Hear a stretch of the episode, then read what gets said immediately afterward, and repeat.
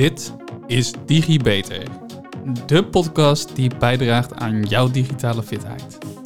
In deze podcast ga ik, Jurien Rijmakers, al dan niet met gasten in op zaken die bijdragen aan jouw e-vaardigheid en e-vakmanschap. Hey allemaal en welkom bij weer een nieuwe DigiBeter. In de vorige podcast ben ik geëindigd met een fragment van Moyi Koffie, die door koffie op de blockchain te zetten de keten inzichtelijker maken om te zorgen dat iedereen in de productieketen een eerlijk bedrag krijgt voor de koffie, zonder daarmee ook nog eens veel duurder te zijn dan andere koffiemerken. In deze podcast wil ik in een mix verder ingaan op de slimme technieken op, op de blockchain in te zetten, waaronder de evidence trail. Het verschil tussen publiek en private blockchain en wanneer kies je nou voor de blockchain?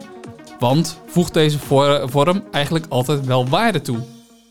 Nou, zoals ik al zei in de vorige keer eh, toen ik afsloot met het bewijs van de reis van mooie koffie. Uh, nou ja, daarnaast had ik uh, het ook over andere evidence trails, zoals die van sinaasappelsap op de blockchain. Maar er zijn nog veel meer slimme oplossingen, um, zoals bijvoorbeeld voor elektriciteitsvraagstukken. Luister maar eens naar dit fragment van Van der Bron. Wist je dat jouw elektrische auto kan bijdragen aan het uiteindelijk overbodig maken van gas- en kolencentrales? En je hiermee ook nog eens geld kunt verdienen? Het werkt als volgt. Op het moment dat iedereen tegelijkertijd energie gebruikt, ontstaat er een tekort in het energienet. Nu hebben we nog gas- en kolencentrales nodig om die tekorten op te vangen. Terwijl we naar 100% duurzame energie willen. Daarom heeft Van der Bron een innovatieve oplossing bedacht. Door slim gebruik te maken van de batterijcapaciteit van jouw elektrische auto, zorgt Van der Bron ervoor dat jouw auto wordt opgeladen wanneer er geen tekort is aan energie. Dit door real-time te reageren op fluctuaties in het net. Slim laden noemen we dat. Dit doen we op basis van geavanceerde blockchain-technologie. Zo zijn we minder afhankelijk van kolen en gas en zorgen we er samen voor dat Nederland steeds duurzamer wordt. En dat is nog niet alles. Doordat jij helpt het energienet in balans te houden, kun je zo'n 250 euro per jaar verdienen. Meedoen met slim laden is simpel. Sluit je auto aan op jouw oplaadpunt. Geef aan wanneer de auto opgeladen moet zijn. En Van de Bron doet de rest. Tja, een mooie promo-video. Nou ja, je, hoort hem hier natuurlijk alleen maar. Maar goed, ja. of die hier nou de blockchain echt waarde toevoegt, dat kan ik niet zeggen. Maar misschien kunnen we er later nog verder naar kijken in de podcast. Eh, op het moment dat we gaan kijken van nou ja, wanneer zet je nou wel of niet iets op de blockchain. En ook zal ik nog iets verder ingaan op misschien wel de belangrijkste evidence trail toepassing die je op de blockchain zou kunnen zetten. Maar eerst gaan we verder met wat zaken inzichtelijk maken door wat hokjes toe te voegen. Zoals ik vorige keer uh, vertelde, in de, hokjes zijn niet mijn ding, maar goed, het maakt dingen wel beter inzichtelijk. En ik vertelde in de eerste blockchain podcast over de, uh, ja, dat is podcast nummer 12, dus al over de verschillende soorten blockchains. En toen hintte ik er al even kort op dat ze niet altijd toegankelijk zijn.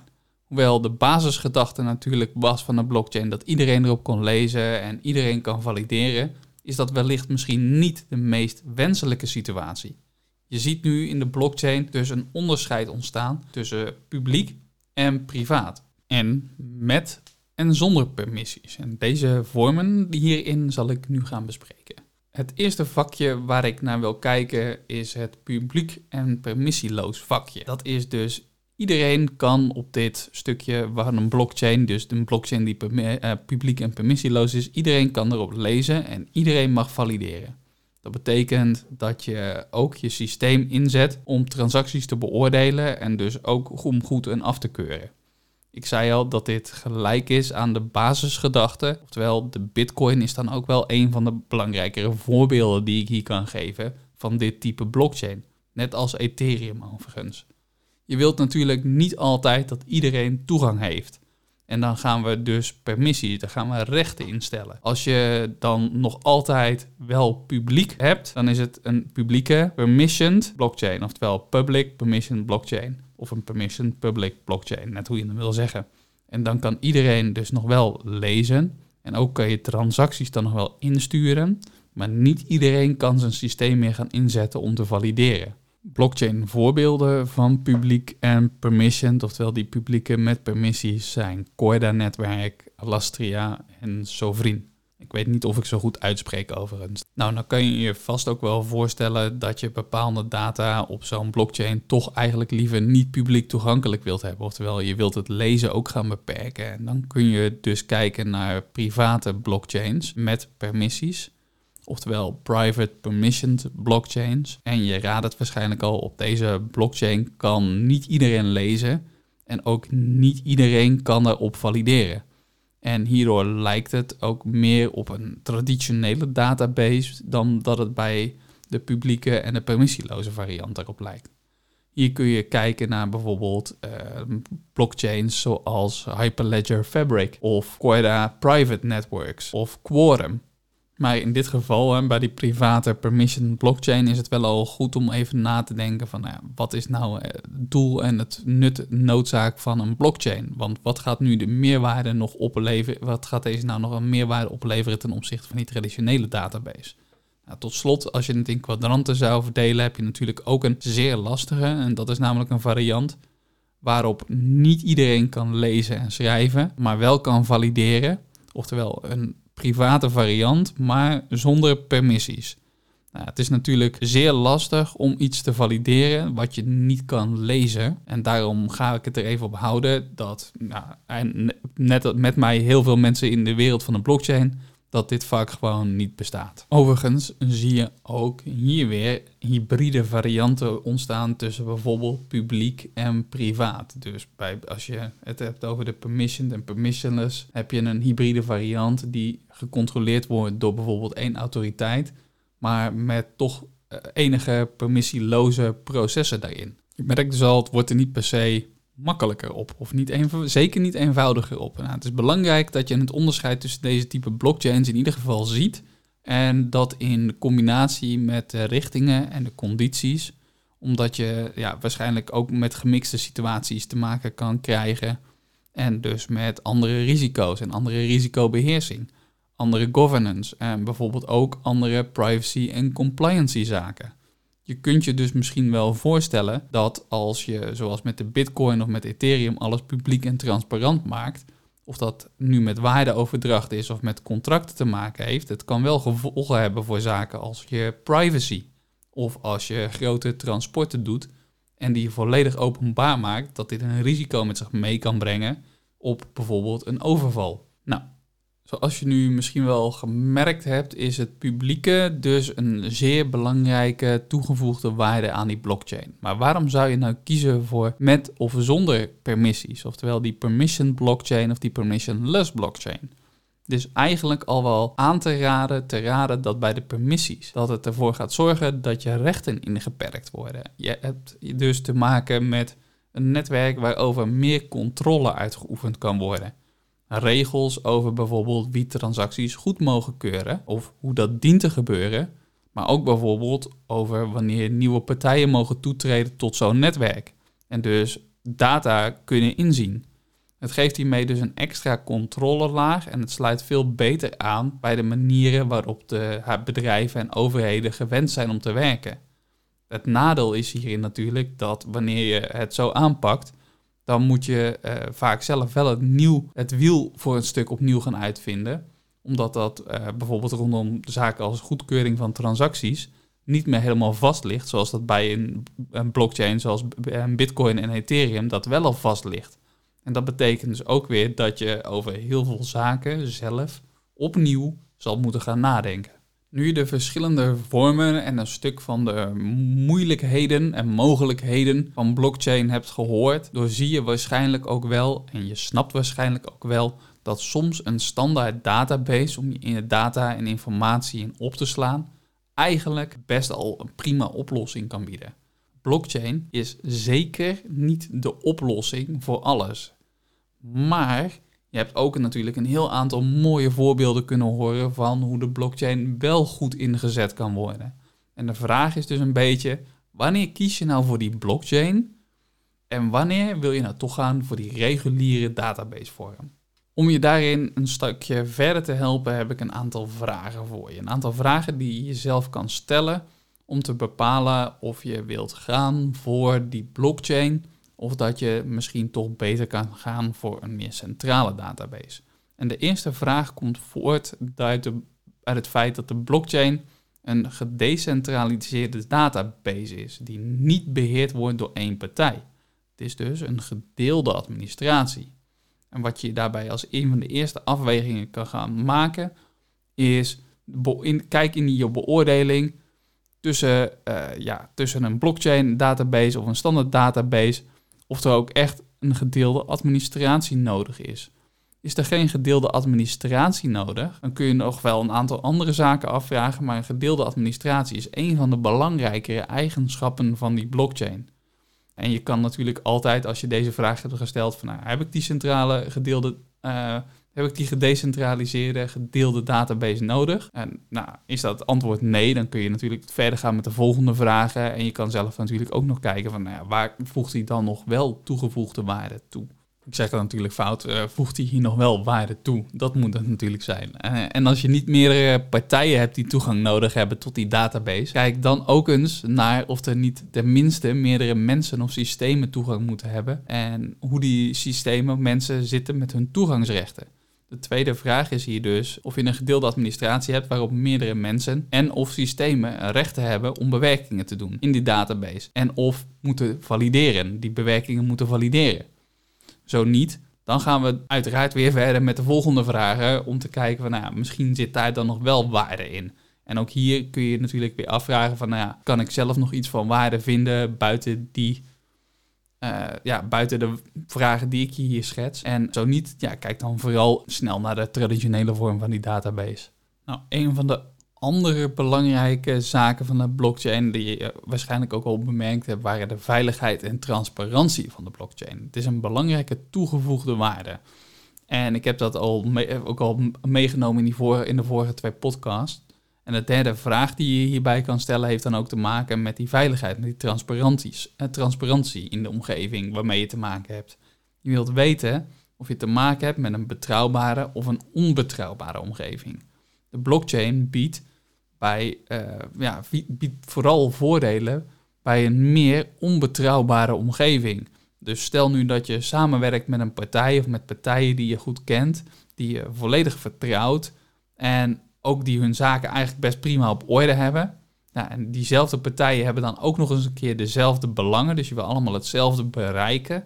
Dan kun je je wel eens gaan afvragen van, nou ja, heeft die blockchain hier nu wel toegevoegde waarde? De laatste vraag heeft te maken met uh, wat ik ook al verteld heb. Hè, de transacties kunnen versneld worden en je kan kosten verlagen. Door, nou, omdat je die transacties kan versnellen en kosten kan verlagen en derde partijen in dit verhaal niet meer nodig zijn, wat uiteraard ook bijdraagt aan die kostenverlaging.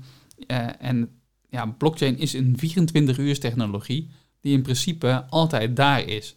En de laatste vraag is dan ook, is die middleman die je uh, met dit proces uit kan halen, wil je die nog? Of is die middleman per se nodig? De blockchain haalt namelijk die middleman weg en kan het daarmee transparanter en misschien wel sneller en goedkoper maken. Maar als je wilt vast blijven houden aan de situatie waarin die middleman zit, dan uh, zal je toch moeten gaan kijken of je uit die overige drie vragen of elders misschien nog meer waarde kan vinden in de techniek. Maar ja, zeker, dit is uh, zeker ook een belangrijk punt om mee te wegen. En je kan je misschien wel voorstellen dat hoe meer van deze vragen uh, je een bevestigend antwoord leveren, van, dat de blockchain daar ook waarde toevoegt, hoe meer de blockchain als database vorm waarschijnlijk in zijn totaliteit ook waarde zal gaan toevoegen. Ik ga er even vanuit dat de blockchain heel erg veel waarde voor je gaat opleveren. En dan moeten we natuurlijk ook nog weten in welke vorm uh, je de blockchain wil gaan gieten. En die vormen, ja, is jij dus goed om te bestuderen, om te kijken van wat wil je nou gaan inzetten. We hebben het al gehad over dat publieke toegankelijke of het meer gesloten netwerk, het private netwerk. En we hebben het ook al gehad over de rechten, dus permissionless, dus zonder rechten of permissioned, met rechten, dus met de permissies. En wil je nu meer directe controle over zaken zoals updates en toegangsrechten, dan zul je dus meer moeten gaan kijken naar die permissies, oftewel die permission blockchain. Ook als je geen directe controle hoeft over de updates en toegangsrechten, maar wel wilt zorgen dat handelingen, ofwel die transacties verborgen zijn, dan zit je al snel weer met bepaalde permissies. Ofwel volledig transparant gaan en uh, als je geen controle nodig hebt over updates en toegangsrechten, alleen dan is zo'n permissieloze blockchain ook wel interessant. Het ding hier is dat veel overheden en bedrijven het nog niet gewend zijn om alles uit handen te geven. Dus zomaar alle permissies vrij te laten. En ook hetgeen, het publieke, het transparante, het openen, dat zijn ze ook nog niet zo gewend. Dus je zal al snel zien dat uh, er hier toch geneigd wordt naar een situatie waarbij uh, toch de permissies wat meer gecontroleerd zullen worden. En ook dat het toch eerder in een meer gesloten omgeving geïntroduceerd zal worden. Dus je zal veel van de toepassingen die je zal zien, zullen in eerste instantie uh, private en met permissie zijn. Maar goed, wie weet wat voor een verandering dit gaat brengen aan de bedrijfsculturen bij diverse organisaties. Anyways, je weet nu dus uh, zeer goed waarvoor je het wil gaan inzetten en welke mate van controle je daarover wilt hebben. Maar welke functionaliteiten, uh, weet je wat het moet hebben, weet je ook al wel. Ofwel, ja, je wil gebruik gaan maken van marktstandaarden, of wil je volledig vrij je contracten en de contractlogica zelf gaan programmeren. Maar welke snelheid verwacht je dat het netwerk is, heeft? Hoe schaalbaar zal je netwerk moeten zijn? Hoe snel moet het zijn? Afhankelijk van dat soort keuzes kom je ook uit bij bepaalde type blockchains. Je snapt dus nu waarschijnlijk ook wel waarom er zoveel verschillende smaken van blockchains zijn. Dus als je gaat kijken op die crypto-markt waar je alle verschillende blockchain coins uh, kan vinden, nou, dat zijn allemaal verschillende blockchains met allemaal verschillende rechten. En hoewel ik onmogelijk dus alle type blockchains kan gaan behandelen, ga ik mijn best doen om er in ieder geval een aantal te bespreken, naast wat je natuurlijk al gehoord hebt. En ik had het al over die evidence trail en ik vertelde al over dat logboeken nooit geleegd worden, ofwel zaken van vijf jaar geleden zullen over vijf jaar of over tien jaar nog steeds op die blockchain te vinden zijn. En om te bewijzen dat ze in die tijd niet veranderen of niet aangepast zijn, niet vervals zijn of veranderd zijn, wordt gebruik gemaakt van een eerder al deels uitgelegd woord, namelijk de hashes, oftewel die digitale vingerafdruk. En omdat ik het wat meer ga hebben ook over die bewijslast blockchains en dus die evidence trails, wil ik ook nog even wat dieper ingaan op die digitale vingerafdruk, oftewel die hash. Want uh, zo'n hash is eigenlijk niets anders dan een algoritme, waarover ik al verteld heb in mijn eerste podcast. En ja, ik blijf nog even telkens verwijzen naar bepaalde podcasts, omdat je daar de basiskennis kan vinden. En nou, deze hele podcast die draait over beter worden, meer kennis verzamelen rondom de digitale wereld. Het hash-algoritme, oftewel het secure hash-algoritme, zet uh, een bepaalde input, zoals een woord of een document of een ander digitaal iets om naar een hexcode. En hexcode dat is HEX en dan code. En dat is een 64 karakter uh, lange output met getallen en letters, oftewel nullen tot negens en de letters A tot en met F. En die vormen samen die hexcode. En stel dus dat je uit uh, de blockchain een bepaalde input hebt. Dus je geeft een bepaalde input vanuit de blockchain aan, dat, aan dat algoritme dan haal je dat door die secure hash uh, algorithm haal je dat heen. En dan komt er dus een reeks uit van 64 karakters met bepaalde zaken. Dus die uitkomst heeft bepaalde zaken die goed zijn om te snappen, zodat je snapt hoe krachtig die hashing werkt op de blockchain. En een van de eerste zaken die hierin echt van belang is, is dat de input van zo'n hash-algoritme, in zo'n in zo'n algoritme, die geeft altijd dezelfde output. Dus als ik ABC als input geef aan dit secure hashing algoritme, dan krijg ik altijd hetzelfde krijg ik aan het eind eruit. Nou is ABC redelijk nietszeggend, maar stel nu dat ik bijvoorbeeld de Rabobank gebruik. De Rabobank is een bepaalde input, nou, die geeft een bepaalde output en die zou dus altijd hetzelfde moeten zijn. Maar nu verander ik de over Rabobank verander ik in een nul. En ik haal dat weer door datzelfde secure hash algoritme heen. Nou, dan zal deze uitkomst zal anders zijn. En daarmee kom ik dus meteen bij de tweede regel van het algoritme. En dat is namelijk dat een verschillende input altijd een andere output geeft. En zelfs, ondanks dat ik slechts één ding veranderd heb, dus alleen de O van de Rabobank heb ik veranderd in een 0, zal de uitkomst van het algoritme totaal anders eruit zien. Om dat helemaal mooi te maken is er nog een derde regel in dit algoritme. En dat is dat er geen logische link zit in de veranderingen van de output. Uh, dus op het moment dat je de input de ene keer de invoert en de tweede invoert van een Rabobank, dan zal je op basis van die verandering van de invoer niet zomaar kunnen zien uh, wat je daar aan veranderd hebt. En zonder dat je het alles gedaan hebt, zul je dus ook nooit kunnen voorspellen hoe die uitkomst eruit zal gaan zien. Nou, en als je nu wil weten hoe dit verder in zijn werk gaat, laat het dan even weten eh, bij mij via LinkedIn. Want dan kom ik er misschien in een volgende podcast nog een keertje op terug met uh, in de security podcast dan.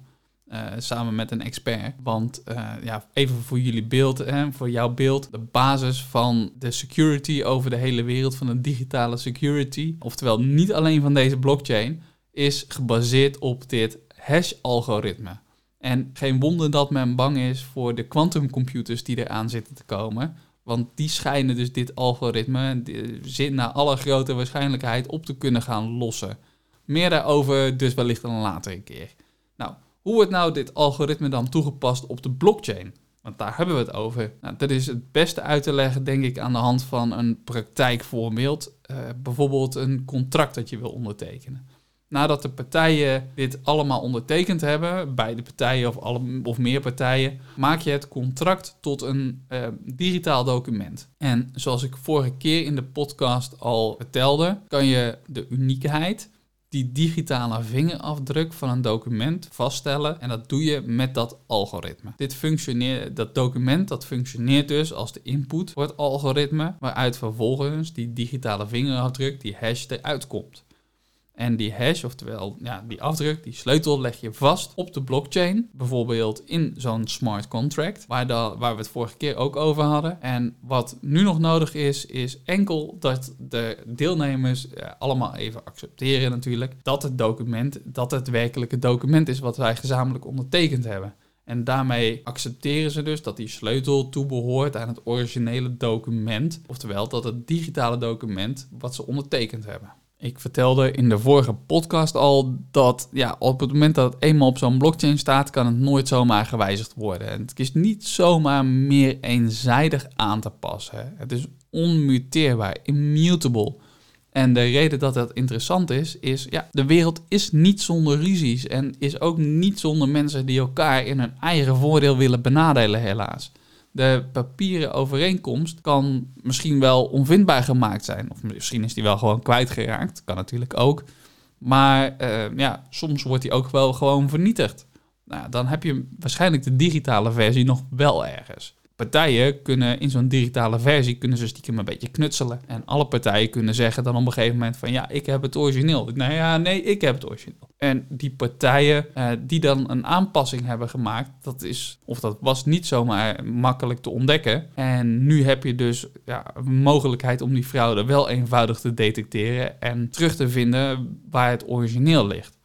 Waar heeft de fraude plaatsgevonden? Uh, bewijs je dus door hem, door het algoritme heen te halen. En vervolgens kun je het, de uitkomst, dat originele uitkomst, die iedere keer hetzelfde is op het moment dat uh, je hetzelfde door, die, door het algoritme heen haalt, kun je vergelijken met die sleutel die je hebt op de blockchain. En zodoende weten we dus ook wat dus het origineel is. Nou ja, in de vorige podcast haalde ik ook al even aan de, dat die soevereine identiteit uh, een hele belangrijke toepassing is. En waar, aan gewerkt wordt. En zeker in relatie tot de blockchain. Dit is een mooie wereldwijde oplossing. Maar wat is het nu precies? Wie ben ik? En wie ben jij? Nou, wie wij zijn is allemaal opgebouwd uit allemaal elementen. Denk aan je leeftijd, je kleur ogen, wat je lekker vindt, wat je eet, uh, welke telefoon je hebt en welke studies je hebt gedaan, welke diploma's je hebt gehaald ook. Nou, zomaar wat voorbeelden van data die maken, uh, die jou maken tot wie jij bent. En die informatie staat op een heleboel verschillende op, uh, plekken opgeslagen, zoals het basisregistratie persoon in Nederland. En uh, nou ja, je kan dat, die, die opslagplekken kun je zien als een soort van ja, kluis. Maar ook bijvoorbeeld Facebook heeft heel erg veel informatie nu van jou. En misschien wil je dat wel helemaal niet. Nou, met die soevereine identiteit kan je meer grip krijgen op uh, de data die van jou zelf is en wat jij nou met wie je zou willen delen. De vraag is namelijk um, of je wel wilt vertellen aan die webwinkel wat jouw exacte leeftijd is. Wil je zeggen dat je, wat je wanneer je geboren bent, wat, jou, wat jouw exacte leeftijd is, zodat ze je misschien wel kunnen gaan benaderen, benaderen met advertenties op je verjaardag? Of wil je echter alleen aantonen dat je boven de 18 bent? Jij als mens staat dus met deze uh, toepassing van de soevereine identiteit, sta je veel meer centraal. In plaats van dat de diensten vanuit bedrijven en vanuit de overheid dat staan. Uh, en hoe dat precies in zijn werk gaat, uh, dat gaat erg ver voor nu. Maar als je dit op de blockchain zou zetten, dan is de toepassing hierin dat, je de, toegevoegde waarde hierin is dat je eh, tot die informatie de toegang kan vastleggen op die blockchain. Dus waarmee je ook altijd weer de mogelijkheid hebt om dus de rechten tot die toegang in te trekken, zodat er partijen geen zicht meer op hebben. Nou, deze vorm is dus een zeer interessante case van bewijslast, waardoor aan diverse partijen ja, gewerkt wordt. Je kan je voorstellen dat als je business draait op data, dat dat dan waarschijnlijk een minder prettige ontwikkeling is. Zoals, eh, nou als ik zelf kijk, ik denk dat het een goede ontwikkeling is. Want alle data die ik bij Facebook heb achtergelaten, ik zou toch best wel graag een heel deel van die data weer intrekken, zodat ze niet meer bij Facebook staan. Echter, ja, nu kan ik alleen mijn account opzeggen. Ik weet niet wat Facebook doet, want ze hebben mijn data daar daadwerkelijk opgeslagen. Op het moment dat Facebook enkel toegang had tot die data, op het moment dat ik zei hun daar recht toe had gegeven, dan had ik het dus ook dat recht weer kunnen afpakken en waar is die informatie kwijt geweest. Overigens met alle voorbehouden van die natuurlijk, want ja, je kan natuurlijk ook die data op een of andere manier hebben overgenomen door bijvoorbeeld eh, iemand in te zetten die alles eh, lekker heeft over zitten kloppen. Nou, waar heb ik het nou vandaag over gehad? Want ik merk dat ik al bijna aan de tijd zit. Uh, ik heb een aantal voorbeelden gegeven en laten horen, uh, maar ik heb je vooral uitgelegd dat de data, dat de blockchain als database technologie niet voor alles de uitgelezen oplossing is. Je moet goed kijken naar wat wil je er nou mee doen, welke data gaat erin om en wie moet er ermee omgaan met die data en op basis van een viertal vragen heb ik je geholpen om ja, richting te geven, te denken uh, of je de blockchain nou daadwerkelijk wilt overwegen als database vorm of dat je beter kan kijken naar de traditionele database. Ook ben ik nog even ingegaan op de hash, oftewel het secure hash algoritme en de soevereine identiteit. Misschien wel een van de belangrijkste evidence trail toepassingen tot nog toe. Nou, in de volgende podcast duik ik nog dieper in de blockchain en wil ik verder gaan op onder andere de cryptocurrencies en de NFT's. Voor nu, tot de volgende keer, tot de volgende DigiBeter. Vond je dit nu een leuke uitzending en wil je meer weten? Abonneer je dan op de podcast door op volgen te klikken. Het duimpje omhoog en geef een beoordeling van bijvoorbeeld 5 sterren, zodat nog meer mensen deze podcast kunnen vinden. Wil je collega's, vrienden, familie, zoals je opa of oma, net zoveel plezier doen en ze digitaal fitter krijgen? Deel dan de podcast. En zo worden we samen allemaal digitaal. Heb je een vraag over wat er verteld is in de podcast? Een bepaald onderwerp dat je graag terug zou willen horen? Of wil je gewoon laten weten dat je erg van de podcast genoten hebt? Je kan mij feedback geven en vragen stellen via LinkedIn. Zoek dan even naar Juriaan Rijmakers. Hoe dan ook, na deze podcast ben je weer een beetje digifitter. Tot de volgende keer, tot de volgende DigiBeter.